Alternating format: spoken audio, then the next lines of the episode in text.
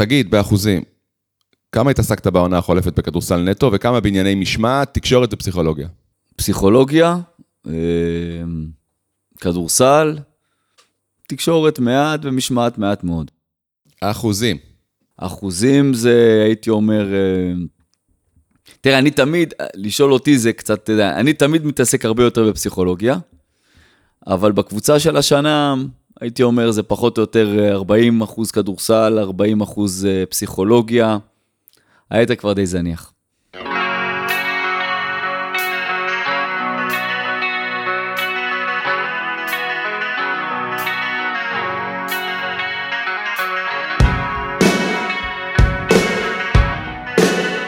שיחת העיר, הפודקאסט של גבעתיים, תוכנית ההסכתים עם גיל ברק. Take me down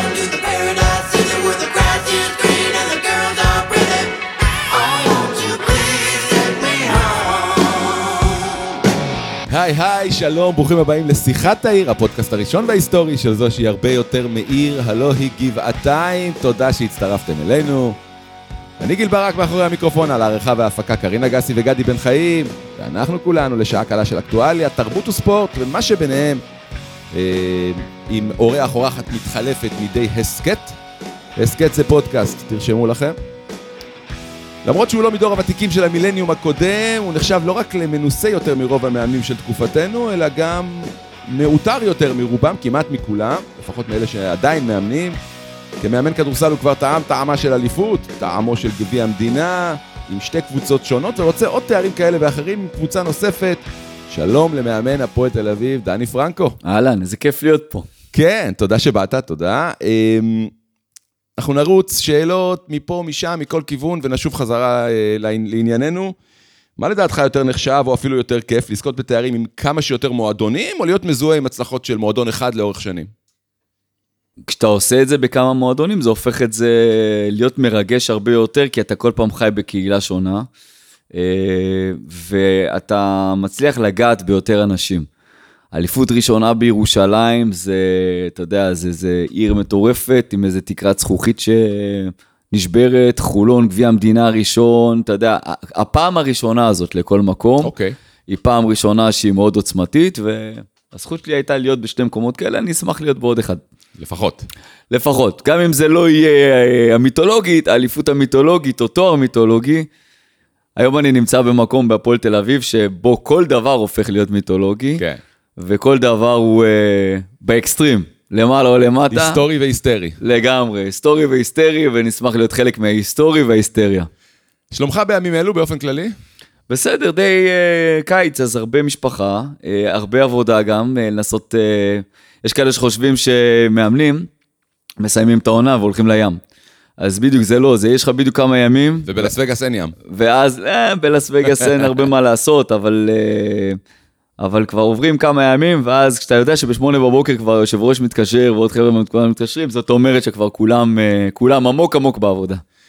טוב, אנחנו נדבר על ספורט, על תרבות, על החיים שלך אה, בתוך האורבניקה הגבעתיימית, אה, שאר עניינים שיצוצו תוך כדי, אבל עכשיו, שלב הביוגרפיה, תרגיש חופשי לתקן אותי, לעצור אותי, לתת לי סטירה אם צריך. נולדת לפני כמעט 50 שנה, אגב, שלושה שבועות ויום לפניי, הופה. סתם אומר, דצמבר וזה. אה, גדלת בחולון, ניהלת קריירה קצרה מאוד כשחקן, עד גיל 16 בערך, קורס מדריכים בווינגייט, יהושע רוזין האגדי שם עליך עין, אימנת מחלקת הנוער של הפועל תל אביב, ניהול מקצועי של תיכון בליך, גם כאן דרכינו מצטלבות איכשהו, גם אני בוגר אה, בית הספר. אה, והגעת לשלושה גמרים עם בליך, אבל הפסדת בכולם. הדרכת נבחרות קדטים ונוער, היית עוזר של מאיר קמינסקי, אדי דגן, ארז אדלשטיין ושי מינסטר, גם של מקסו אוסטויץ' ושל חנוך מינץ. ב-2004-2005, מאמן בוגרים ברמת גן, עפולה, גליל עליון. עד כאן פחות או יותר כישלונות, או נקרא לזה חוסר הצלחות משמעותיות across the board, עד לגביע המדינה עם הפועל חולון ב-2009, ואז ברק נתניה, מכבי חיפה, אליפות היסטורית, אמרנו עם הפועל ירושלים, אה, הפועל תל אביב, עירוני נהריה, ושוב הפועל תל אביב. בקיצור, יש לך יותר ניצחונות מהפסדים בקריירה, שזה יפה מאוד, זה משהו שכל מאמן אה, אוהב ומחבק. אה, יותר כאלה במשחקי פלייאוף גם מאשר הפסדים, שגם זה כמובן מאני טיים וקריטי, בלי לאמן את מכבי תל אביב. זאת אומרת, בסטנדרטים מקומיים, איך היית מגדיר את הקריירה שלך? סבירה, טובה, טובה מאוד, או הצלחה מסחררת? אני אגיד את זה ככה, אם לא הייתי מרגיש אה, טוב כמאמן, כשזה מקצוע מאוד תובעני ודורש, אם לא הייתי מרגיש טוב עם מה שעשיתי עד היום, אז כבר לא הייתי פה. בעצם כבר לא הייתי אולי במקצוע הזה. לא, אני אומר, אתה כבר מספיק ותיק בשביל להסתכל אחורה על הקריירה ולהגיד, עשי- מה? עשינו להגיד על עצמך מה? חתיכת דרך. חתיכת דרך, ו... ו... ואני חושב שהיום, אחרי הדרך שאני עשיתי, זה גם איזשהו מודל לחיקוי להרבה חבר'ה צעירים שרוצים, חולמים יום אחד להיות מאמנים. והם יכולים לראות שהם לא בהכרח צריכים לעשות את זה דרך קשרים, אלא בעיקר כישורים. הם לא צריכים לעשות את זה כי הם איזשהם אה, כוכבים גדולים בפני עצמם, אה, אלא הם יכולים לבנות את עצמם מלמטה. אה, רוב מה שהקראת פה נכון, בסופו של דבר, אתה יודע, אבל מה שמביא אותך, אני לא היה לי חלום להיות מאמן כדורסל. לא ידעתי לאן, מאוד אהבתי את המשחק, שיחקתי עד הצבא. אה, לא עד גיל 16, ושיחקתי עד הצבא כדורסל, הבנתי שם שם, שחקן לליגה ראשונה אני לא הולך להיות. אז לא חלמתי להיות מאמן, מה כן חלמת להיות? אני, משהו שקשור בענף? אז, אז מאוד אהבתי את הענף, מאוד, ידעתי שזה יהיה משהו שקשור לכדור, לא ידעתי מה. אוקיי. התחלתי לעבוד אה, במתנסים, בגיל 16 כבר לאמן ילדים צעירים, ובבית ספר יסודי, ולא במסגרות רשמיות. וכמו שאמרת קודם, יהושע דאג אותי, אה, עבדתי במחלקת הנוער של הפועל תל אביב, יצא לי ללמוד ממנו המון, מהמון מאמנים שאז עבדו שנות ה-90 בהפועל תל אביב, אתה יודע, זה רלף קליין, וצביקה, וכל הבכירים של הכדורסל. ולסירוגין גם עבדתי בהפועל חולון, אימנתי גם בחולון פה ושם, אבל העבודה העיקרית הייתה בתל אביב. ואני חושב שבסופו של דבר, כמו כל דבר בחיים, כשאתה מתחיל להצליח בו, אז uh, אתה אומר, טוב, אז uh, בואו נראה מה הלאה, ובואו נראה מה הלאה. ובעצם הספורט, בכלל, המקצוע הוא שואב אותך פנימה, הכדורסל שאב אותי פנימה מגיל צעיר. ואז uh, הצלחות בגילאי נוער, ואז פתאום מכבי רמת גן. צריך לתת להם קרדיט, כאילו אם לא, בני ברנר אז הוא היושב ראש, שמאוד רצה אותי מאמן בתחילת העונה, אבל היה מחויב, ואיכשהו הגעתי במחזור אה, שביעי, כן. שהקבוצה איכשהו מאוזנת בשלוש, שלוש ניצחונות הפסדים. העליית ליגה עם מכבי רמת גן בעצם נתנה לי את, ה... את הבוסט הזה לעשות את הצעד ממחלקות נוער לקבוצה בוגרת. אז עברנו על הרבה קבוצות, והתחלת להזכיר כבר אה, שמות שמלווים מועדונים כאלה ואחרים. איזו סביבת עבודה הייתה הכי כיפית לך, או איפה הכי נהנית לעבוד מבחינת ארגון? זאת אומרת, אילו תנאים אידיאליים קיבלת מקסימליים מבחינתך באיזה ארגון? תראה, אני חושב שבכל מקום שהייתי ניסו לתת אה, כלים טובים וארגון טוב, אה, אבל לכל מועדון יש את היכולות שלו. כמובן זה פר תקופה, אבל מבחינת... אה, תראה? בהפועל ירושלים היה לי אה, מאוד נוח לעבוד, מבחינת תנאים, מבחינת, אתה יודע, היה בעלים מאוד מוגדר, זה היה אורי אלון בזמנו, קשר היה מצוין אז ועד היום. אה, בירושלים היה לי מאוד מאוד נוח לעבוד. באתי למקום שהיה so called בית קברות למאמנים, והחלטתי ללכת על האתגר הזה. כאילו, בכל מקום שהגעתי, הגעתי לחולון, אחרי שנת אליפות היסטורית, ואז מיקי עוזב, דורסמן, והכסף הולך איתו, ועכשיו כל ההרכב הלך, נשאר כל שחקן אחד. כן, שחקן אחד, ואתה, מעכשיו אתה צריך להרכיב יש מאין בזה, ואתה יודע, תמיד יש, בטח אחרי אליפות יש ציפיות. אולי בגלל ההתרסקות הזאת, שכשביקי הלך, והכסף הלך, והשחקנים הלכו, ומצאנו את עצמנו מול שוקת שבועה, אולי משם דווקא התחילה ההצלחה הגדולה והמבוא לגביע. להגיע לחיפה, אחר כך שוב, אחרי עונת אליפות, שוב הכסף הלך, שוב השחקנים הלכו, להתחיל את הכל מההתחלה. ולהגיע עד מרחק של אה, סל אחד אה, לקחת כן. אליפות שוב, אה, זה, זה משהו מיוחד. היה מיוחד בירושלים. עכשיו, אה, אה, הייתה לך איזושהי, אני שם פה סוגריים על קריירת, קריירת האימון שלך, אה, גלשת גם אלינו, לתקשורת. היית פרשן אה, תקופונת אה, בטלוויזיה, בערוץ הספורט. איך היה לך לשבת בצד המתאר, המבקר, הרגוע יותר של הענף, כמו, ש, כמו שמאמנים שמפרשנים אצלנו עכשיו אומרים, מה אכפת לי, דופק אפס? אני, זאת הייתה אה, אחת השנים היפות בחיי. באמת? אני אזכור אותה לנצח, אני חייב המון המון תודה גם לערוץ הספורט. יא, איזה כיף. אני... למה? למה אני אגיד את זה? קודם כל, המקצוע הזה הוא מקצוע שהוא מאוד שוחק. מצד שני, אתה מדבר על אימון, על אימון. לא על אה, פרשנות שידור. לא, לא, לא, לא, על אימון. ומצד שני, הוא שואב אותך פנימה, אתה חייב להיות כל הזמן ב- באדרנלין, של הכדורסל, זה עשרות טלפונים ביום, זה, זה קצב אינטנסיבי, זה, זה החיים בדופק מאוד מאוד גבוה, אתה מפספס הרבה דברים בחיים אה, ב, מתוקף התפקיד. והשנה הזאת של... אה, לי מאוד היה חשוב בשנה הזאת להיות במגרשים. זאת אומרת, לא לשבת באולפן ולפרשן, או לפרשן משחק יורוליג בלילה, או דברים כאלה, לא. היה חשוב להיות קרוב למגרש. אה, לא אכפת לי באיזה משחק, זה לא משנה, אבל להרגיש את הקווים, להיות קרוב.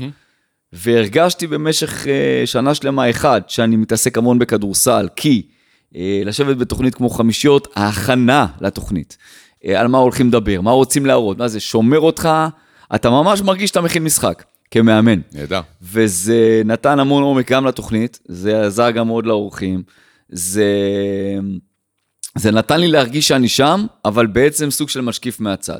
היה לי מאוד חשוב דבר אחד, כמאמן, אתה נכווה כל הזמן מפרשנויות, ממבקרים כאלה ואחרים. אתה בכלל מתייחס אליהם?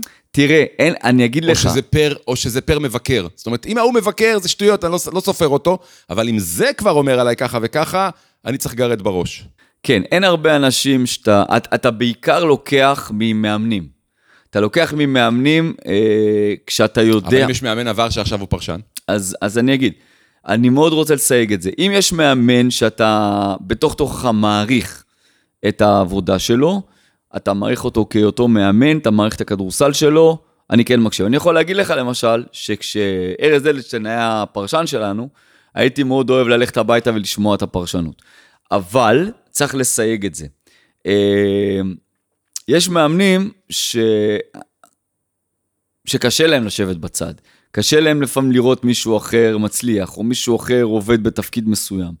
ולפעמים אתה צריך כמאמן, כי מזה שאתה מכיר את הפרסונה, לא לקחת את זה ברמה האישית, אבל uh, כן לדעת שכאילו זה למישהו איפשהו טיפה מדגדג, ולפעמים הביקורת או הפרשנות היא לא כזו שיש לך מה לעשות איתה. זאת אומרת, לא משהו שיכול באמת לתעל את העבודה שלך למקום יותר אז טוב. איזה פרשן אתה היית? אז אני... כפרשן. אני- עד כמה אתה תיעלת לאחרים במרכאות או אז, לא אז, במרכאות? אז אני, אני אולי באיזשהו מקום אה, הייתי אה, פחות טוב לצד התקשורת, כי אני תמיד הייתי מתחיל את השידורים בזה שהייתי מזכיר לכולם שהכי קל זה לשבת פה באולפן ולפתוח פה ספרים של תיאוריות, כי את התיאוריות כולם מכירים. אבל כשהתיאוריה מגיעה לשטח, אתה עובד עם בני אדם, אתה עובד עם בני אדם תחרותיים, אתה עובד עם אוסף של שחקנים שכל אחד מגיע מתרבות אחרת, ממדינה אחרת, ממשפחה אחרת, מחינוך אחר, מדת שונה. אתה לוקח את כל המנעד הזה, ואתה צריך לעשות אותו קבוצה אחת מלוכדת שעובדת תחת סטרס משמעותי, אה, ו- וזאת העבודה של המאמן. כששאלת אותי בהתחלה כמה זה כדורסל, כמה זה פסיכולוגיה, כמה זה סוציולוגיה, כמה זה, אז זה המון פסיכולוגיה, זה המון סוציולוגיה. כדורסל, את התרגיל הזה ואת התרגיל ההוא אפשר להראות בפינת התרגילים בתוכנית בטלוויזיה. אבל בסוף הכדורסל הוא לא, בת- הוא לא בתרגילים. אתה שוב פעם בורח לכדורסל, ואני סליחה. לוקח אותך לפרשנות. צודק. אה, ל- לתפקידך כאיש תקשורת, ואתה מסביר לי שנהנית ממנה כמו שאתה, שאתה לא יכול לתאר, נכון. ועדיין לא הצלחתי להבין ממה בדיוק. אז אני אגיד לך. אז קודם כל... מהיכולת להיות אחד שמסתכל מלמעלה, ואחד שהולך הביתה אחרי שהוא אמר מה שהוא אמר, ומה אכפת לו מה יקרה מחר, או מאחד שבאמת יודע, חושב איך אני מעשיר את הצופה שלי, את המאזין שלי, מבחינת כדורסל, ויחד עם זאת אני גם בידורי ברמה מסוימת, כי אנחנו ב entertainment עסקינן, זאת, זאת התקשורת, זו העבודה, אנחנו רוצים למשוך כמה שיותר, לעבוד על רייטינג, זה, זאת העבודה, כמה שיותר צופים, כמה שיותר מאזינים, כמה שיותר שיאהבו אותנו כאנשי תקשורת. איפה אתה ב- ב- ב- ב- בסקאלה הזאת? אז אני... אני, איך, אני... איפה היית אני- כפרשן? אז דבר ראשון, נהניתי מהשקט. זאת אומרת, אוקיי. אה, הדופק יורד משמעותית, אתה מתעסק בכדורסל, אבל לא ב, בווליום ובדופק גבוה, ואתה נמצא ליד הקווים, אז אתה מרגיש שאתה בבית, אתה מרגיש שאתה נמצא בסביבה הטבעית שלך. ובתור אה, איש תקשורת, לי היה חשוב אה, להביא את הצד שלי כפרשן, כאחד שהוא בא מהמגרש, אחד שבא מהאימון. מצד אחד, מתעסק מקצועית, נטו, במה שהוא רואה, מנסה להעביר ולפשט את הדברים למי שנמצא בבית. יפה. לנסות להישאר בעברית כמה שיותר ולא לסבך את הצופים במונחים אה, אה, של שלמה צורף בטניס. משהו, משהו כזה. רגע, אבל תהיה לי, תחלק לי סעיפים. סעיף אחד, הדופק נמוך, לכן היית מבסוט. נכון. סעיף שתיים, סעיף 2, אה, נגיד, אתה יכול להגיד לי, אתה יודע, סביבת עבודה, אתה בא לערוץ בהרצליה, יש ארטיקים במקרר, אתה יושב, מפיקים, מאפרים אותך, מלבישים אותך הצגה. אז קודם כל לא היו ארטיקים במקרר בזמנו. אז תבוא, תבוא עכשיו. עכשיו יותר טוב כאן. האמת, הייתי לפני כמה ימים וראיתי באמת שיש ארטיקים במקרר למטה. לא ידעתי אם זה מקרי או שזה... לא, לא, קבוע. אספקה שוטפת. אז זה הצגה. אבל uh, הדבר השני זה, לקחתי לעצמי איזשהו, uh, איזושהי משימה להראות שאפשר להיות פרשן, אבל מצד שני, להתעסק ב, ב, בצד המקצועי החיובי ופחות בצד המבקר. כי אני חושב שזה טוב, זה מאוד קשה למאמן כדורסל, שחי את היום-יום באינטנסיביות שלו, לשבת באולפן בדופק אפס ולהתייחס לדברים גם באותה סכמה של uh, מקצועיות. זה לא קל. אז מאוד נהניתי מזה, כי חשבתי שזה מאוד מאוד חשוב שאני אעביר את הלקח, את המסר שחבר'ה, כל מה שאנחנו אומרים פה, הוא הכל טוב ונכון, הוא על דעתנו, אבל קחו בחשבון, החיים במגרש, בהרבה מקרים הם שונים לחלוטין. כן, ברור. ו- וזה מסר שחייב לעבור. אז זאת משימה שלקחתי על עצמי, אני חושב שעשיתי אותה די טוב. אה, זאת הנאה שלך, ש- שנייה. כן, אחת דופק אפס, שניים, האפשרות לתת לך להסביר גם את הצד השני ולהנגיש אותו אז ל- אם, אם, אתה, לצופים. אם אתה רוצה הנאה, אז, אז, אז מה שאמרנו עכשיו זה הדבר השלישי, והשני, אחרי הדופק אפס, כן. ואני לא בטוח שזה לא ראשון אפילו, כן? זה הזמן עם הילדים והזמן עם המשפחה. יפה. כי בסוף, אני אמרתי בשנה הזאת, אני לא רוצה לחזור לאמן. אני לא מחכה, אמרתי גם לתומר טרוג'ן, למנכ"ל הערוץ, אמרתי, תקשיב, זה לא שבעוד חודשיים תבוא קבוצה, תגיד לי, דני, תבוא תאמן, אני הולך. אני טוב לי, אני רוצה להישאר פה, טוב לי פה, אני הולך לעשות את השנה הזאת כמו שהיא. אה, כלכלית כמובן, זה לא אותו סיפור כמו לעבוד, אבל פחות מעניין. שנה בשבילי, שנה בשביל הנפש, שנה בשביל הבית. יצאתי שווה ללא- כסף. מה זה, תגיד, עד היום, הבת שלי מזכירה לי שיצאתי עם הכיתה שלה לטיול, הבאתי טיול, ישבתי עם כל הבנים במושב האחורי, יא, גדול. והיה תענוג, ועם הבן שלי יצאתי, והוא היה אז- היה אז בגן, והלכנו ל... ניצלתי את הזמן לעשות אה, כיף ולתת את כל השעות שהיו חסרות, גם לנפש שלי וגם לילדים. בקיצור, אפשר לשמור את המספר טלפון שלך במחברות של הערוץ, להתקשר אליך, בכל מפגש, תשמח. בכל מפגש שיש לי עם ג'ובה מהערוץ, עם כולם, חבר'ה, מתי שאתם מתקשרים אני בא. יאללה. אתה יודע מה, אני חושב שזה בכלל איזשהו משהו למאמן, למאמן לקחת אה, פה ושם איזושהי שנה ברייק. שוב, כולנו חיים מזה, זה מקצוע, הבעיה במקצוע הזה, זה שזה בסוף גם פרנסה. וזאת פרנסה לא יציבה, אתה תלוי במיליון משתנים. נכון. אבל בסופו של דבר יש לך גם אנשים בבית, יש חיים בבית, והמזל הכי גדול שלי זה הבית המדהים שיש לי. יפה, אז אתה ככה עושה לי את הקישור ל... לפינתנו, דברים שלא כתובים עליך בוויקיפדיה, או סלאש, איך לעזאזל אתה יודע את זה? אוקיי. יש לי את הפינה הזאת הקבועה, אז אני רץ איתך, שים לב. אתה לא נוגע בבשר אדום, אבל סבבה עם עוף ודגים. אלכוהול לא עושה לך את זה, אבל עוגיות מלוחות ומתוקות, זה כן. חולה עוגיות. אתה לא יודע לשיר, אתה לא אוהב לרקוד, לא אוהב קניות, אין לך אמונות טפלות, מה שעוד יותר אין לך זה סבלנות וסובלנות למאחרים. כן אוהב הליכות, כן אוהב מאוד לעבוד, גם בטיסות, גם בשעות לא שעות. חברים שלך מספרים עליך שאתה חנון עבודה, סופר פדנט, סופר מקצוען. אוהב מאוד מאוד את סיינפלד, ומי שיתקשר אליך גם יבין למה, כי הצלצול בסלולרי שלך הוא מנגינת הפתיחה עם הבאסים, ויותר מהכל אתה אוהב את הילדים שלך. עד כאן אתה חולק על הנאמר, זה הזמן שלך להכחיש ושלי לפטר את התחקירנים. שזה אני, דרך אגב. התחקירן. קודם כל, אה, זה הילדים שלי, את הבית שלי, זה גם אה, הילדים שלי ואשתי כמובן. ברור. אה, כי צחקת תוך כדי, למה? אני, פחות בקטע של ה... לא, לא, צחקתי מה, מהעוגיות. לא, מהדגים וזה. קודם כל, אני... הכל נכון. או, זה מה שחיפשתי, אל תלך רחוק. הכל נכון. הכל נכון. הייתי צריך להצליב פה מידעים, זה לא לא, ככה. לא, אתה יודע, אנחנו בתקשורת, אתה בא, שואל את מישהו, אתה כשיר לשחק, לפני המשחק, אומר לך, "וואי, התנפח לי, התנפח לי הקרסול, ככה, אני לא מסוגל לדרוך. ואז אתה הולך לשאול את הרופא שלו, הוא אומר לך, הוא עיקם משהו, זה שום דבר, חבשנו, הוא כשיר פיקס. אנחנו חייבים להצליב מידעים, אז גם לצורך העניין הזה, חטא חטא. נעשתה ההצלבה. עכשיו ככה, אמ, ניקולה יוקיץ', אלוף NBA טרי, משדר שכדורסל זה לא הכל בחיים. שיש דברים יותר חשובים, יש לו מרוץ סוסים, ויש לו זה, והאליפות נגמרה, אפשר לנוח, ויש תחושה שתוך שנתיים, שלוש, אם הוא לוקח עוד שתיים, שלוש אליפויות, הוא מסוגל לפרוש ולהגיד מיציתי. זאת אומרת, הכדורסל זה לא מהות החיים שלו, זה לא ש... מה שמאפיין אותו. והשאלה היא באמת, אה, אם אתה מגדיר את עצמך טוטאלי לענף כ- כדרך חיים, או שזה מקום עבודה עם הפרדה ברורה בינו לבין החיים בחוץ. אי אפשר להפריד אה, מקצוע כל כך תובעני מהחיים בחוץ. אני לפעמים לא שם לב, אבל הסביבה הקרובה שלי שמה לב מצוין לאיך נראה יום או שבוע אחרי ניצחון, או אז יום אתה או שבוע לוקח אחרי את הפסד. המשחק הביתה, אתה לוקח את התוצאה שלו, מרגישים את זה עליך, מצבי הרוח שלך מחוץ לפרקט. אתה, אתה ניצחת, אתה מרחף עכשיו אה, בענן אה, שביעי, הפסדת, אתה שוקע לתהומות, או שאתה כבר מניסיונך יודע למנן את זה ולתת פרופורציות, סלאש עד כמה זה באמת משפיע על הסובבים הקרובים אותך. אשתך, הילדים. אני אתחיל מהסוף.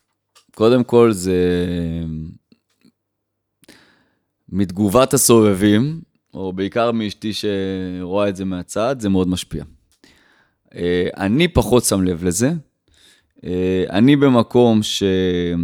תראה, הכדורסל שואב אותך, מי שיגיד לך שהוא יודע לעשות הפרדה והכדורסל זה רק עוד משהו וזה, זה לא באמת, זה, זה שקר. אי אפשר לעשות את זה, אני כבני אדם, כשאתה מתעסק ב, ב, בדבר כל כך דינמי, סוער.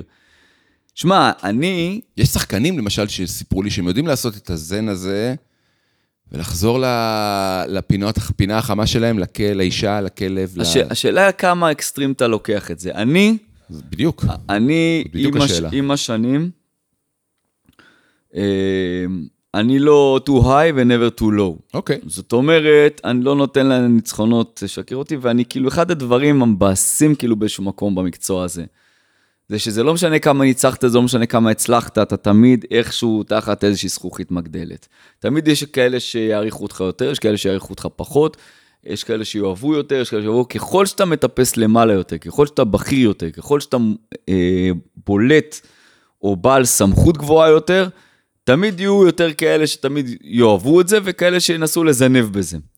ואתה יודע כל הזמן שהכדורסל הוא מקצוע מאוד דינמי, ואתה לא תמיד תלוי בעצמך, ואתה יודע שאם ניצחת, אז אולי בעוד שבועיים שלושה אף אחד לא יזכור את זה, ואם הפסדת, אז אה, גם לא זוכרים לך את הניצחון הקודם.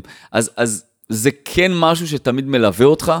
זאת אולי אפילו, אני אגיד, איזה מין מועקה כזאת, שאומרת לעצמך, בהתייחס למה שאמרת, שבסוג של אסקפיזם אתה אומר, טוב, אני צריך לחפש מקצוע אחר, צריך לחפש משהו יותר נורמלי, משהו יותר שפוי. כן. אבל אז נשאלת השאלה אם אתה מאמין לשקר הזה של עצמך או לא, כי בסוף יש איזשהו חיידק בכדורסל, יש איזשהו חיידק בספורט. וכשאתה מאמן בהפועל חולון, אתה מאמן בהפועל ירושלים, אתה מאמן בהפועל תל אביב, אתה בתוך קהילה מטורפת שחיה את זה 24-7, ואם אתה רוצה או לא רוצה, כן. אתה תחיה את זה 24-7, ואם אתה לא, אז יכריחו אותך. ואני מנסה לשמור על איזון, ואני מנסה להיות זה שירגיע את הילדים בבית מבכי אחרי הפסדים, והבת שלי תמיד בוכה אחרי הפסדים, וזה אצלה לוקח עוד כמה ימים אחרי זה. אז ו- זהו, אז, אז מאמנים אומרים ש, שרוב הזמן אתה סובל בשביל כמה רגעי אושר בעונה. אה, אתה אתה יודע, אנחנו דיברנו על לס וגאס וזה, אז מהמרים אומרים, אנחנו... אתה מבזבז, מבזבז, יושב על הרולטה וזה, ופתאום שזה נופל על ה-23 אדום ששמת עליו, אז האושר שווה את כל, ה, את כל הסבל. אתה, אתה מסכים לסכמה הזאת? אתה... או שאתה, יש לך קצת יותר פרופורציות לעניין הזה. לא, אני לא מסכים איתה. אני לא מסכים איתה, כי בסוף... ולכן יש לך אולי קריירה ארוכה כזו, אתה עומד בזה יפה, אני... אני... במתמטיקה הזאת. אני... אני לא מסכים עם זה, ואני יכול להגיד לך כמה דברים. אחד הצדדים הפחות טובים בי, אחד הצדדים הפחות טובים בי, זה שאני לא יודע ליהנות מספיק מההצלחות, ולמזלי היו לי הרבה כאלה, אחרת אולי לא הייתי היום אה, מאמן או נמצא איפה שאני נמצא. וזאת בעיה. כשאתה, אני כל הזמן עסוק במשחק הבא, כל הזמן עסוק באתגר הבא. אה, או, אז אני עוצר אותך פה. אתגר בכדורסל הישראלי, הרבה יגידו, זה לאמן בצהוב כחול, את מכבי תל אביב, לאמן את נבחרת ישראל. אלו שני אתגרים, את הנבחרת הבוגרת. שני אתגרים שהם, לפחות כשאתה ילד או בתחילת קריירה, זה פסגת שאיפה, או, אתה יודע, לאמן ב-NBA זה כבר, זה הדבר הבא, מתי מעט סלאש דיוויד בלאט, היחידי שנגע בעניין הזה. אה, זה יושב לך איפשהו פה, שאתה כבר מספיק עמוק בתוך הקריירה, שאתה אומר, אני עושה פה קריירה מטורפת גם בלי זה. אני עבדתי המון שנים בנבחרות הצעירות של ישראל, והסיבה שעזבתי היא כי, אתה יודע, בילד השני, כשמגיע כבר ילד שלישי, אתה אחרי עונות כל כך אינטנסיביות באימון, ואני את המשפחה שלי מגבעתיים לא מזיז. יש, להם, יש לנו את הפינה החמה בגבעתיים, תכף נדבר עליה גם. ואני מוכן אה, להקריב את השעות אה, כביש שלי ואת הנסיעות שלי לטובת זה שהמשפחה שלי תחיה בתוך הקהילה שאני רוצה שהיא תהיה בה. ו... אז אני יכול להגיד לך ש... פרגן, תגיד אחלה שאלה. לא, לא, לא, השאלה, השאלה, השאלה מדהימה, שאלה מדהימה, שאלה פנטסטית, אבל אני אגיד לך שזה... לא, לא מדגדג לי דברים שאני לא נמצא בהם. זה כן כבוד גדול לאמן אה, את הנבחרת, ואני מניח שגם יום אחד אני אהיה שם. אני חושב שזה עניין של טיימינג. זה... יש היום למשל, סתם, אריאל הלך מאמן נבחרת הכי ראוי שיכול להיות, הצליח יפה עם הנבחרות הצעירות, וזה לא משנה, יגידו צעירים, בוגרים, שונה. אני חושב שמגיע לו הזדמנות על מה שהוא עשה, הוא עשה דברים נהדרים, ו- ו- ו- ולגמרי זה. אני, זה כן יפריע לי אם יהיה בתפקיד מישהו שלדעתי לא לגיטימי שיביא אותו. זה היה כן מפריע לי אם פתאום הם מביאים איזה מאמן זר, או איזשהו מאמן שאני לא הייתי חושב שנכון להיות שם, אבל אני חושב שכל מי שהיה לפניי, צריך להיות שם, ואני לא מסתכל על מי לפני, מי אחרי, אני לא במקומות האלה. דני פרנקו שואף להיות מאמן נבחרת ישראל סלאש מכבי תל אביב, זה שאיפה? זה, זה, זה חלום? אולי הוא היה פעם והיום הוא כבר פחות חזק? אני לוקח אותך, מכוון אותך לשם? זה, זה היה פעם, והיום הוא פח... זה היה פעם, היום הוא פחות חזק. אני מאוד מאוד שלם עם, אה, עם איפה שאני נמצא בחיים שלי, אוקיי. ואני אני לא יכול להגיד לך שנבחרת ישראל זה לא שאיפה, או משהו שאתה היית רוצה להיות חלק ממנו תוך כדי הקריירה, זה, זה בהחלט משהו שאתה כן הייתי רוצה ושלא להגיע. מסרבים לו, אני מניח. ו... מבחינת אה, פופולריות, מבחינה תק... אה, תקציבית, מבחינה אה, מעמדית.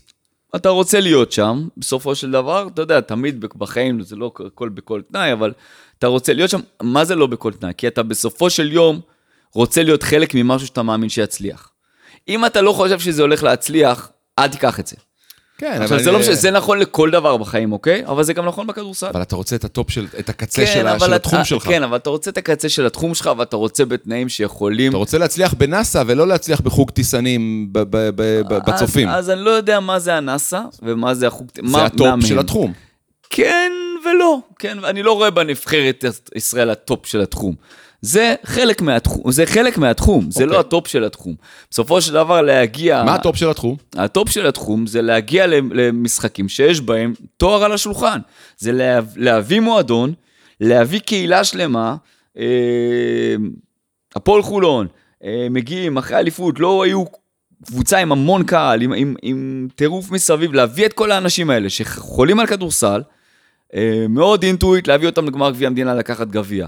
להביא את אה, הפועל ירושלים, שכל השנים חלמו על לקחת אליפות, להיות אתה זה שבא, ובדרך שלך, אה, שאולי קצת שונה, ואולי קצת חריגה, ואולי אתם טיפה היו כאלה שירימו גבות, אבל בדרך שלך, ודיברת קודם קצת על איך להתנהג עם אנשים, הפסיכולוגיה עם אנשים, לנהל את האנשים כבני אדם וכשחקנים, להביא אותם לשבור את תקרת הזכוכית. אותו דבר היום בהפועל תל אביב, המטרה היא לגמרי, זה שהפועל תל אביב כבר היינו בגמר גביע, גמר אליפות מדינה, לא לקחנו, זה רק עושה אותנו, אותי, יותר רעב להביא את הפועל תל אביב לשם עוד פעם, כי אתה יודע שבשלב מסוים, כשבאופן עקבי, אתה לוקח את העשרות אלפים האלה, לא, יודע, לא רוצה להגיד מאות אלפים האלה, שחיים הפועל תל אביב, לקחת את כולם למסע הזה עד הרגע הזה, ולעשות את זה, אה, נבחרת ישראל זה מדינה שלמה. זה מדינה, זה אבל אתה. אומר, הסיכוי להביא תארים, זה משהו שהוא לא הופך אותו לפסגת השאיפות. מכבי תל אביב זה כבר סיפור אחר. הכל עניין, אבל אני אקח אותך... הכל עניין של איך להגדיר הצלחה. כן. אני חושב שבנבחרת, כל הזמן מרימים את רף הציפיות לכזה, שכאילו אנחנו אף פעם לא חווים הצלחה, כי הרף ציפיות שלנו הוא, הוא לא, הוא לא, הוא לא אני מניח ריאלי. שזה תקף גם לכדורגל, דרך אגב. לנבחרת לאומית של כדורגל. אני, מה שאני לא מבין, אני לא יודע לדבר סתם, עליו. זרקתי סתם. אבל כן. אפרופו זרקנו, אז לאורך החצי שעה האחרונה כבר אנחנו זורקים מלא name dropping של מאמנים, הזכרנו אדלשטיין והזכרנו צביקה והזכרנו יהושע, מלא מלא שמות, אני אציין עוד כמה כמו אה, דיוויד בלאט שכבר ציינו, פיני גרשון, מולי, שיבק, קטש, דרוקר, ננו, דן שמיר, גודס, רמי אדר, אפילו רלף קליין והרשימה עוד ארוכה, כולם התנסו בחו"ל, באיזשהו שלב בקריירה שלהם. הגיעו לפסגות אפילו, כמה וכמה מהם הגיעו לתארים בחו"ל. אה, איפה אתה בסאגה, בסיפור הזה? זאת אומרת, זה משהו שהיה פעם על הפרק, משהו שהוא עדיין על הפרק, משהו שבוער בך, או שאתה אומר, וואלאק, כמו שאמרת, אני טוב לי בגבעתיים, במשפחה והילדים, ואני בכוונה מציין את המשפחה, כי זה חלק בלתי נפרד מהעתקת מקום העבודה שלך למקום, למקום רחוק. איפה אתה בסיפור הזה? כי עוד לא התנסית. אז ככה, קודם כל, אמ, אחרי העונה בירושלים, אותה עונה שלא עבדתי בה, אה, היו כמה אפשרויות לצאת החוצה, אבל, אה, ואני כן הייתי רוצה לנסות, אה, עדיין. עדיין, אבל... רגע, איפה המשפחה בסיפור? עדיין אז- רוצה לנסות? אז, אז אני, אז אני, אני, אחרי העונה בירושלים היו כמה אפשרויות, אחת ממש טובה שלא הסתדרה, ועוד כמה שפשוט אה, חשבתי שזה לא נכון אה, לי עם המשפחה. אני לא אחד שישאיר את המשפחה פה וילך. אה, ההלך הרוח אצלנו בבית היה, שכשתגיע ההזדמנות, אז אתה יודע, אשתי תמיד אומרת, יאללה, אני אזרום בכיף, זה התנסות לחיים, בוא, הילדים יראו טיפה עולם, תרבות אחרת, נכון. אה, משהו אחר, ובסוף, אה, ובסוף זה יכול להיות חוויה ואתגר. אה, משם נגררתי לעבודה כל הזמן, והשנה, בחודש וחצי האחרונים, היו, היו, היו כמה אפשרויות. לצאת החוצה, יש לי חוזה בהפועל תל אביב, אני כמובן לא אלך ואשבור אותו ויצא החוצה, גם טוב לי בהפועל, ויש לי עוד שנה אחת בהסכם לפחות, אבל אני... אם זה היעד הנכון, ואני אגדיר מה זה יעד נכון, אני חושב שכאילו בסופו של דבר ללכת לעבוד אה, ברוסיה לא נלך. אה, טורקיה לא מחבקת כל כך מאמנים ישראלים, אתה יודע, אני הייתי... אה, ליוויתי את דיוויד בלאט בזמן שעבד בדרוש הפקה, נסעתי לשם ממש כמו שבוע, עשרה ימים, לראות אותו, לחיות את הקבוצה. מתנהל. מתנהל, לראות את היום-יום של הקבוצה, הייתי צמוד שם לכולם כל הזמן, ומאוד מאוד אהבתי. ויצא לי לדבר שם קצת עם אה, מיטה דמירל בזמנו, המנהל המקצועי, הוא אומר, תגיד, לקחתם את דיוויד בלאט, כאילו מאמן ישראלי, מאמן זה, למה כשדיוויד פזל לכיוון של עוזר מאמן ישראלי, הייתם פחות בקטע? אז הוא אומר לי, אמר לי, תקשיב, תראה, אנחנו הבאנו דיוויד בלאט, דיוויד בלאט הוא לא מאמן ישראלי. He's LeBron's coach. הוא אימן את לברון ג'יימס. אמת? הוא היה ב-NBA, הוא בא בתור המאמן ההוא של לברון, ופחות בתור המאמן הישראלי. וברגע שאתה מצמיד לו עוד עוזר מאמן ישראלי, אתה הופך את הצוות אימון לצוות ישראלי. זה כבר לא ה LeBron's coach, זה כבר צוות אימון ישראלי. ואת הפוקוס הזה, הוא אומר לי, תשמע, פה באיסטנבול זה לא נורא, פה בזה, אבל בוא, אם תתחיל לנסוע לאזמיר ולבורסה ולכל מיני מקומות כאלה, אנחנו לא רוצים שהפוקוס ילך למקום הזה. אה, לכן טורקיה גם פחות בעייתי. יוון, שעכשיו למשל היו לי שתי אופציות לנסוע ליוון, גם אייקה אתונה, גם אה, פרומיטאס. א- אני חושב שבסופו של דבר, אגן המזרח התיכון, לא המקום היציב שאתה רוצה ללכת ולפתח ולבנות בו משהו כמאמן. אה, סוג של מערב פרוע, גם אנחנו פה, אתה יודע, בסוף ברור. אנחנו לא באמת באירופה. אנחנו מפה. אבל שוב, אתה, זה משהו ש... חוץ מגבעתיים, גבעתיים היא באירופה, והיתר זה פחות.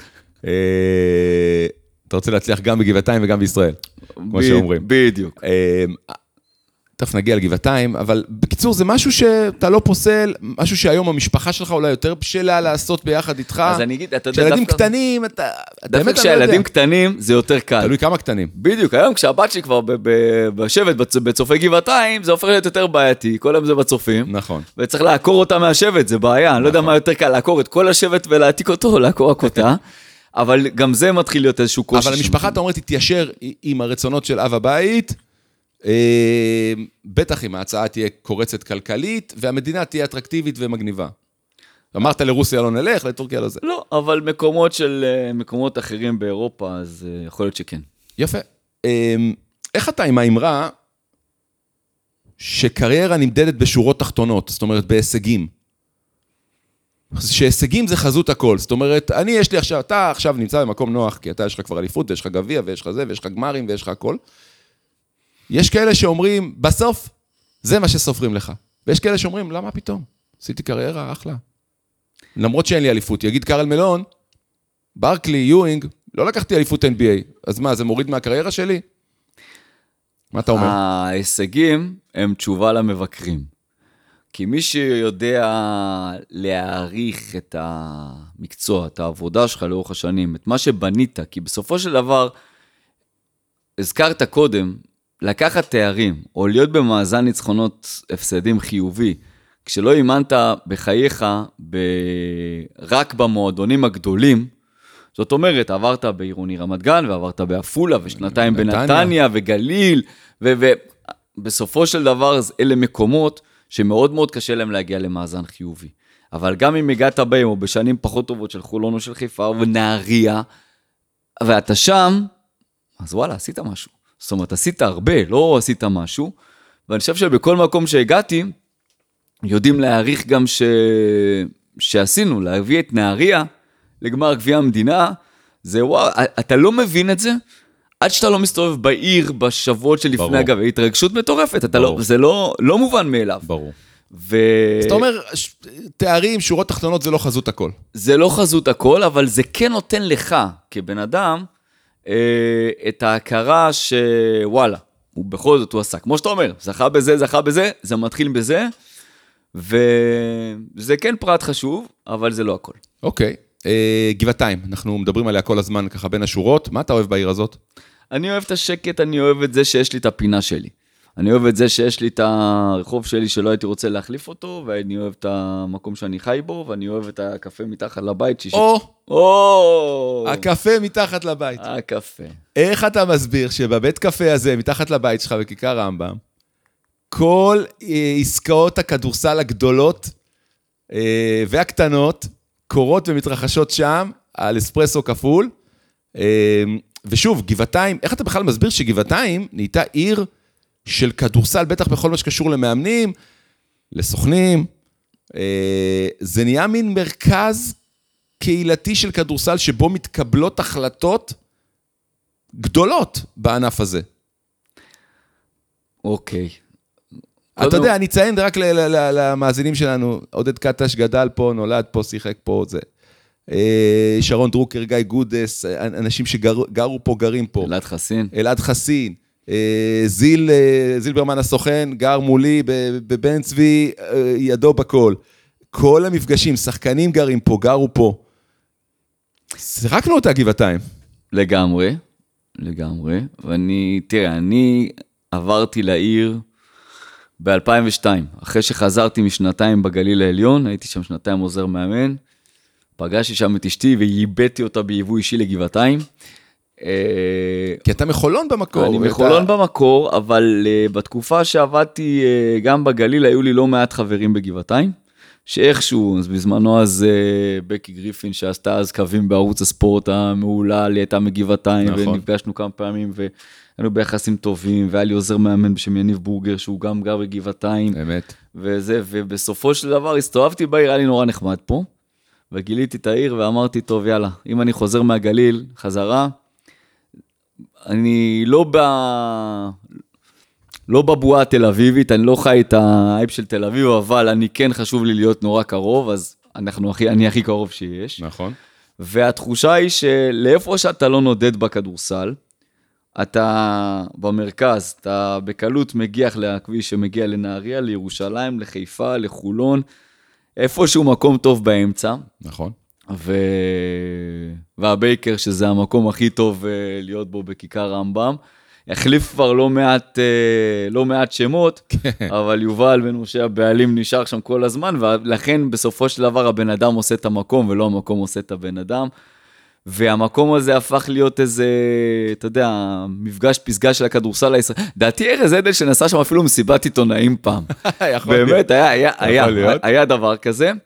כי, אה, אתה יודע, אתה מצד אחד רוצה להיפגש אה, לפגוש ולהיפגש באזור, במרכז.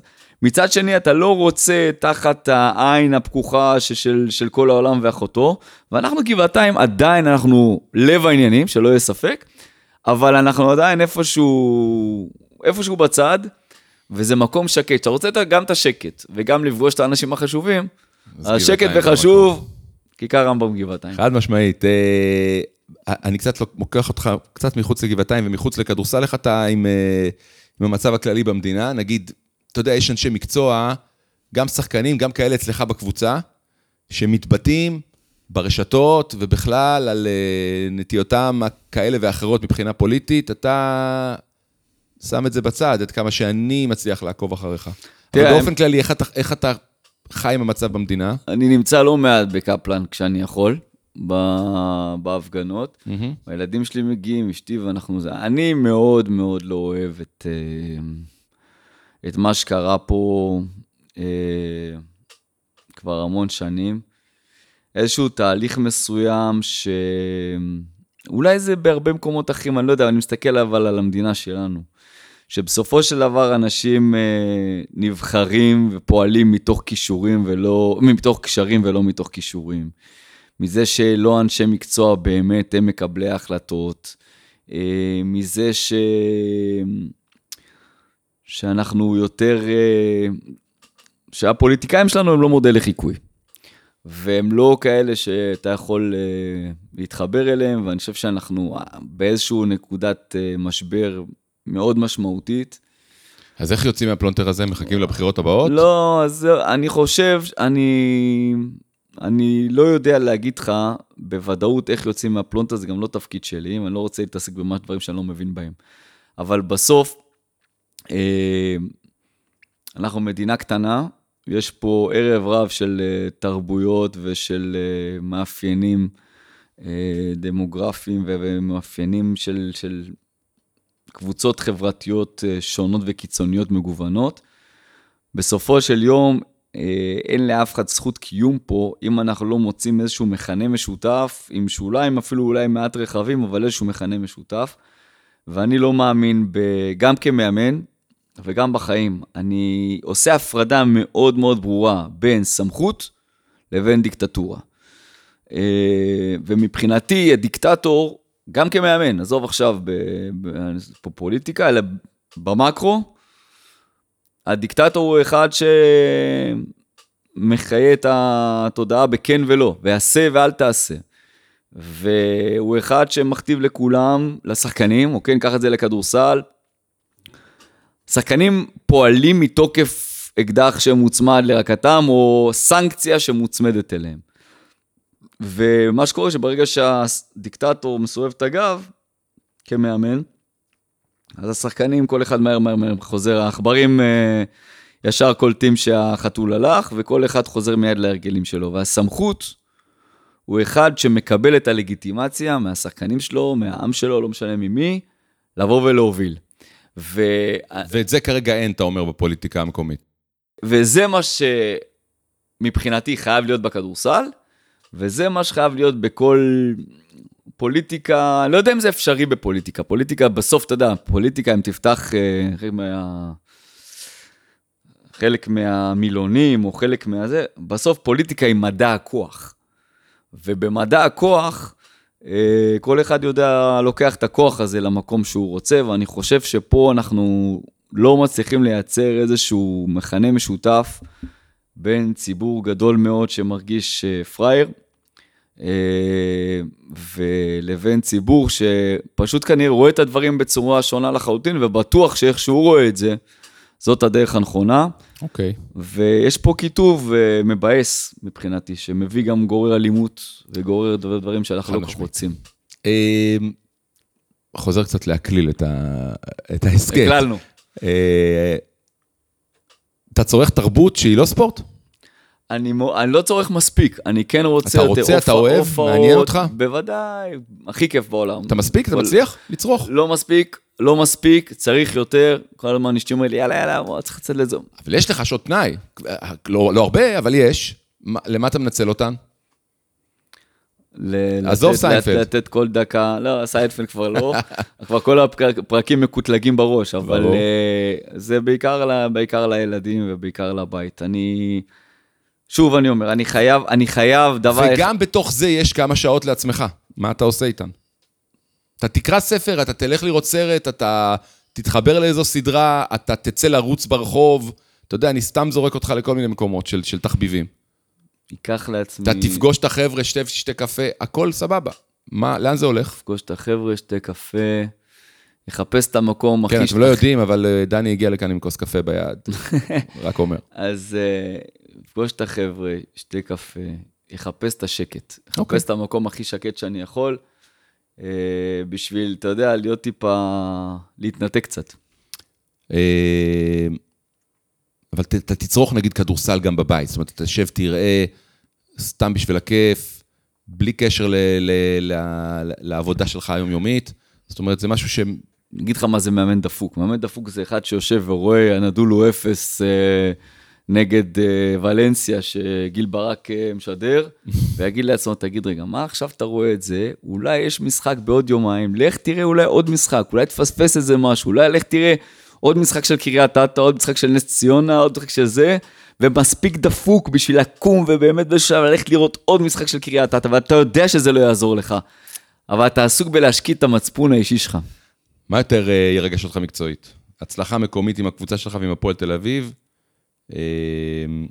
או הצלחה בינלאומית, נגיד, במסע אירופי? זאת אומרת, מה יותר חשוב לך, להביא אליפות, נגיד, בארץ עם הפועל תל אביב, או לקחת עם הפועל תל אביב את היורו-קאפ? מה ירגש אותך יותר, מה ירגש אותם יותר?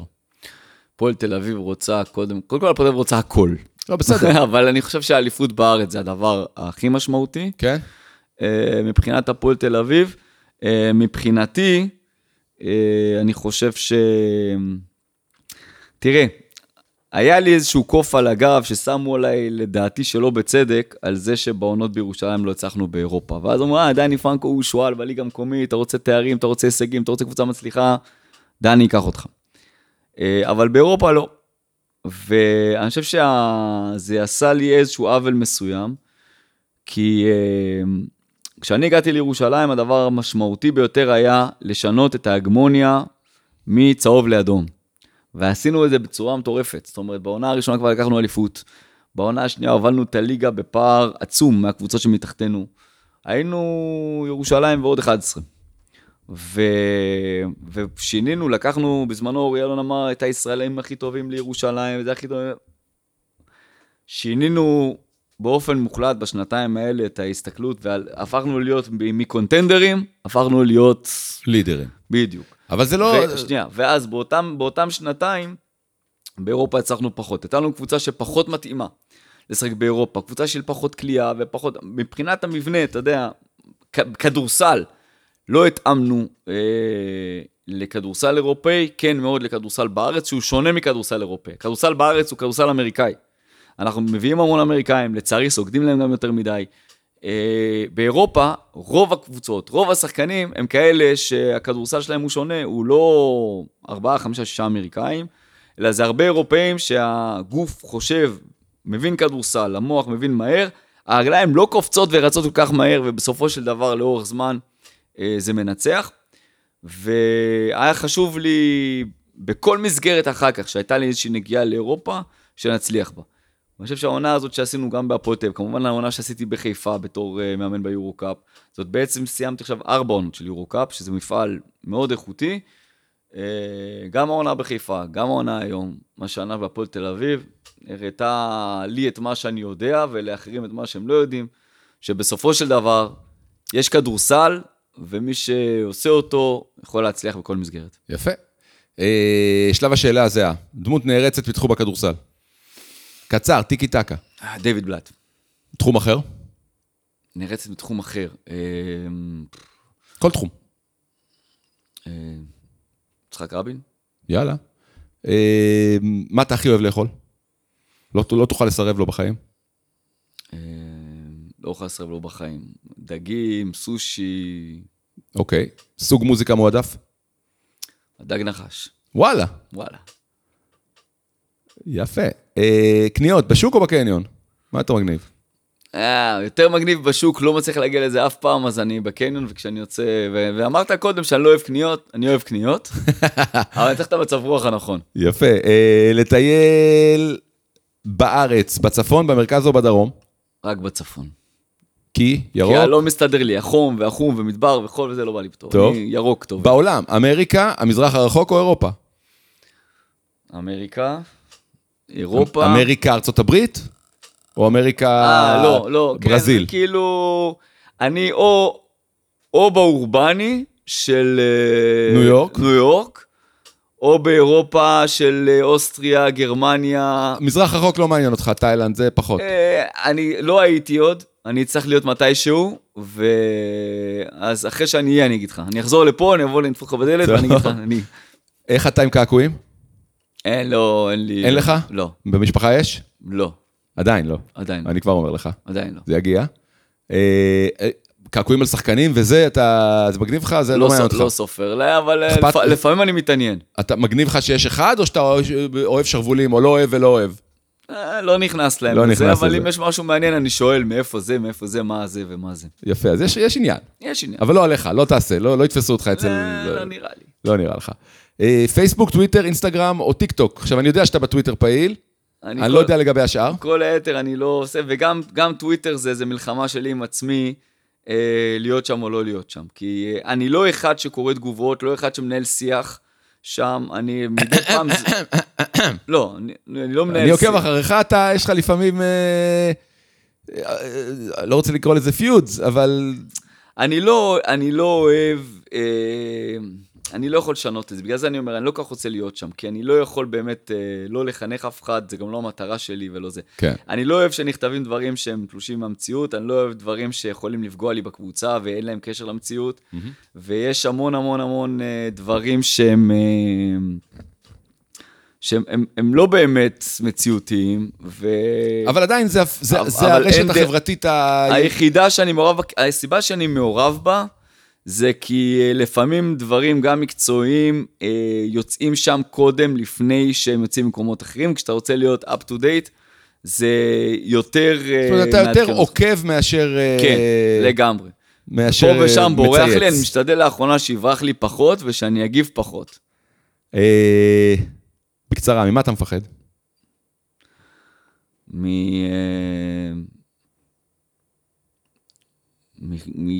ממצב שאני לא אוכל לפרנס את הבית. אוקיי, ואז מה החלום שלך? החלום שלי, הכי גדול. ש... שהילדים שלי יגדלו מאושרים ושיהיה להם את כל מה שהם רוצים. ומקצועית? חלום מקצועית, כן. אה, להמשיך ולזכות בתארים ולעשות אנשים שמחים. תהיה יותר ספציפי. תואר עם הפועל תל אביב כרגע, כי שם אני נמצא ואני יודע כמה אנשים רוצים את זה. יפה, זה עדיין צנוע. חשבתי שתגיד אה, תואר- תואר עם אה, גולדן סטייט. אז זהו. חלום, אתה יודע, תלך עם זה. לא, אז, אז אני, אני לא, אני כל החיים שלי תמיד הייתי חי את המציאות. מאוד אשמח, יש לי הרבה חברים בארצות הברית, אמרתי להם, תקשיבו, ברגע שיש אפשרות, אני בא. תודיעו מתי ואיפה, ברור. אני בא, אה, כי זה כן מושך וזה כן קורץ, אבל אה, אין לי... אה, זה לסיום, בגדר חלום. טוב.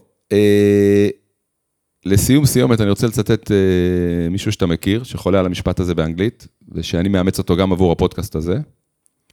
We are not obligated to give a show to anybody. כן. הופה, למה דווקא זה? תגיד לי אתה. אני אומר את זה המון פעמים.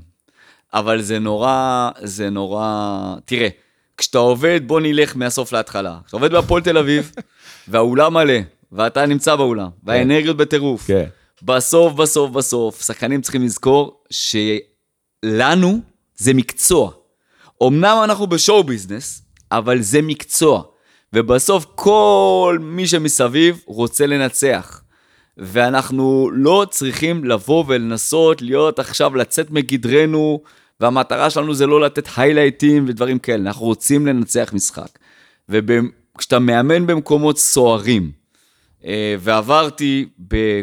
חוץ מיד אליהו, עברתי בכל מקום אחר בקריירה שיש בו אולם סוער, אסור לך לתת לאנרגיה ולאדרנלין מסביב להיכנס למגרש ולהשפיע על החלטות של שחקנים. זה מאוד מאוד קשה לעשות את זה. מאוד מאוד קשה, אתה מאוד מאוד מתפתה, אתה יכול להוביל ב-10-12 הפרש, להרגיש שהשמיים בנגיעה- בהישג יד, ולאבד את הכל בשנייה. כן. ואני יודע מה האווירה בטירוף הזה. כשהדברים עובדים, ואני יודע מה האווירה כשהדברים לא עובדים, ומתוך חרדה, חרדת קודש, ל... אני מנסה לשמור את כולם עד כמה שאפשר המבלד, כי uh, מאוד מאוד קל לאבד את זה. עם איזה שיר היית רוצה לסיים את ההסכת הזה? אמרת הדג נחש, אבל אתה יכול לבחור כל שיר אחר, יש לנו פה את גדי, הוא, הוא יכול גם לשיר לך את השיר הזה, אבל הוא, הוא ישמיע לנו אותו בסוף הפודקאסט. וואו, שני שירים שאני מאוד אוהב זה, אבל זה קצת בנאלי, זה... זה... אין כזה דבר בנאלי אצלנו. אוקיי, אז uh, אתה יודע, יסמין מועלם וטונה על סהרה. חזק. אה, מה עוד? היה גרסה מדהימה, זה חלק מהילדות שלי, מאוד מאוד אהבתי את, אה, את הגשש. אף אחד היום כבר לא יודע מי זה, מי אלה, אבל עדיין. שהיה ביצוע מדהים עכשיו של אה, זמרת צעירה, עוד היה נראה לי איפשהו... נופיה. נופיה, בדיוק, יש שתיים, הם כולם... זו שמעל המצופה. בדיוק, זה גם אה, זה, אבל אה, שהיה ביצוע מדהים, יפה. אבל כן, כל מה ש... התחום הזה. זה- אז על הרקע של המוזיקה הזאת, אנחנו נגיד לך תודה רבה שבאת. תודה. היה לי כיף, מקווה שגם לך. היה כיף. תודה לקרינה גסי, לעמוס פרישמן על העבודה מאחורי הקלעים, גדי בן חיים, האחד והיחיד, על העריכה ועל הסאונד והטיפול הטכני. תודה למרכז שזר, הבית שלנו לפודקאסט הזה. תודה לכם שהאזנתם. אה, אפשר למצוא אותנו אה, בכל הפלטפורמות אה, של ההסכתים השונות, כמובן בפייסבוק של עיריית גבעתיים. אני גיל ברק, זו הייתה שיחת העיר, אנחנו ניפגש כאן בקרוב לשיחת העיר הבאה, ועד אז תחשבו חיובי ותהיו לי בריאים. יאללה ביי.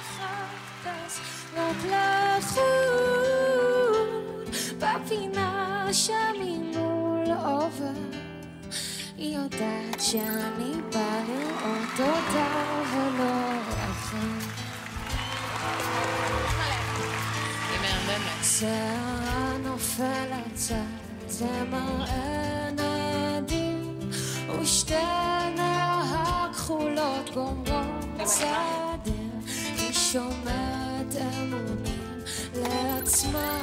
בלבד ויש לה שיא אולימפי וסתם להיות לבד מפני שהיא אומרת פשוט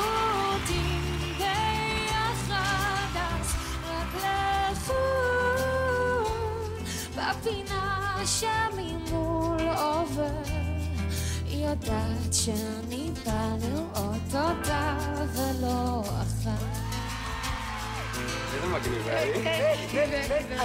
הוא מחפש אותי בכל מקום, בעיר שלא נגמרת, וחבר שלו סיפר שהוא ראה אותי ממלצרת.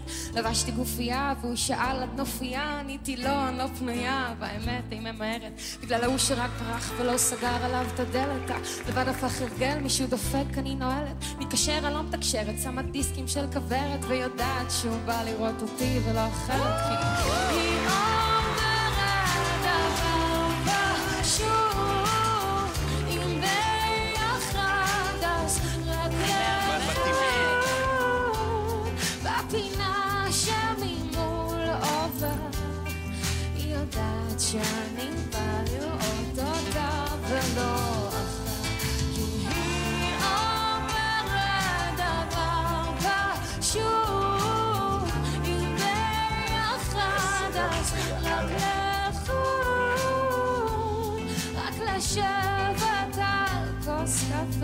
זה מדהים, אחי. עם הזאת שהיא תמיד מעל החור